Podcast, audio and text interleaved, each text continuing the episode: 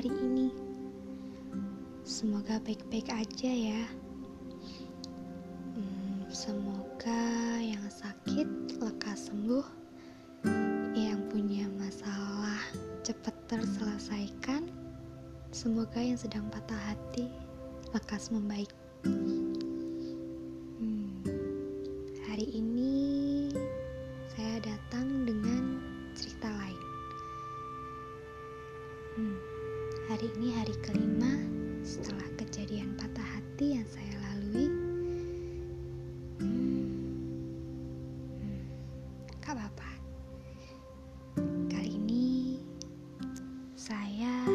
Mencoba keluar rumah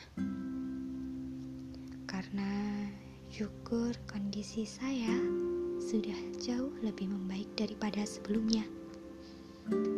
Sore ini saya berkunjung ke toko jamu langganan saya. Baru saja mengeluarkan motor. Rintik hujan datang. Dalam hati saya, hmm, hujan. Apakah kamu tidak rela saya keluar rumah sendirian kali ini? Sambil menyusuri jalanan yang cukup ramai, karena masih ada orang baik yang membagikan takjil di jalan. Oh iya, gimana kondisi kalian saat ini? Puasa ke 15 ya, kalau nggak salah. Oke, tentang takjil tadi tenang, kondisinya masih bisa terkendali kok, sehingga tidak akan ada penyebaran virus. Hmm, balik lagi dengan menyusuri jalanan kota. Saya menatap langit. Kali ini langit pun setuju dengan hati saya. Terlihat sangat gelap. Tapi sebentar-sebentar. Tiba-tiba di perempatan jalan utama kota terlihat senja. Hati tiba-tiba semakin tidak karuan. Jantung berdegup kencang. Entah, seperti tidak siap bertemu senja yang selalu saya cari setiap sore hari.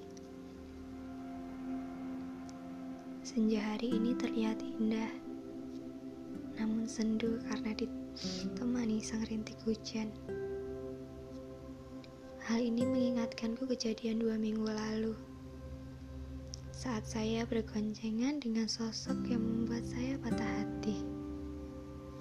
Saat itu saya menemaninya untuk pergi keluar kota. Kepergian itu juga ditemani hujan hingga saya dan dia bertemu senja di suatu titik perbatasan kota. Hujan kala itu tidak terasa dingin karena sosok hangatnya.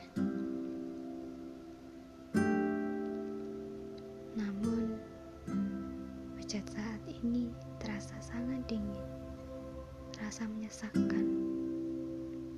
Begitu pula dengan senja yang biasanya mampu menenangkan hati, kini pun tak mampu menenangkan. Rintik hujan semakin deras, tak terasa juga ditemani rintik air mata yang berderai. Tak tahu kenapa. Apa mungkin karena saya merindukannya? Apa mungkin karena saya mengingat kenangan itu? Apa mungkin karena saya masih belum sembuh dari sakit hati itu? Saya tidak tahu. Rasa itu berperang sendiri bersama suara hujan. Hingga tiba di saat saya sampai di toko jamu langganan saya.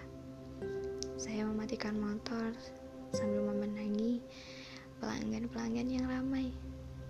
Tak seperti biasanya saat saya berkunjung di sini.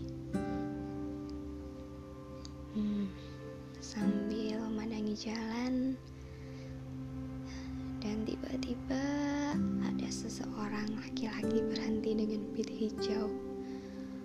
Jantung saya berhenti berdetak bersama dengan jarum jam. Seolah-olah semua berhenti. Kalian tahu apa maksud saya? Ya, beruntung dia bukan sosok yang saya kenal. Sosok yang selalu ke mana pun dia pergi dengan mengendarai pit hijau yang sudah sangat jarang ada di jalanan. Itulah kenapa saya begitu kaget melihat sosok laki-laki itu tadi. Sampai lupa kalau saya tadi sedang mengantri hingga ibunya membangunkan saya dari lamunan.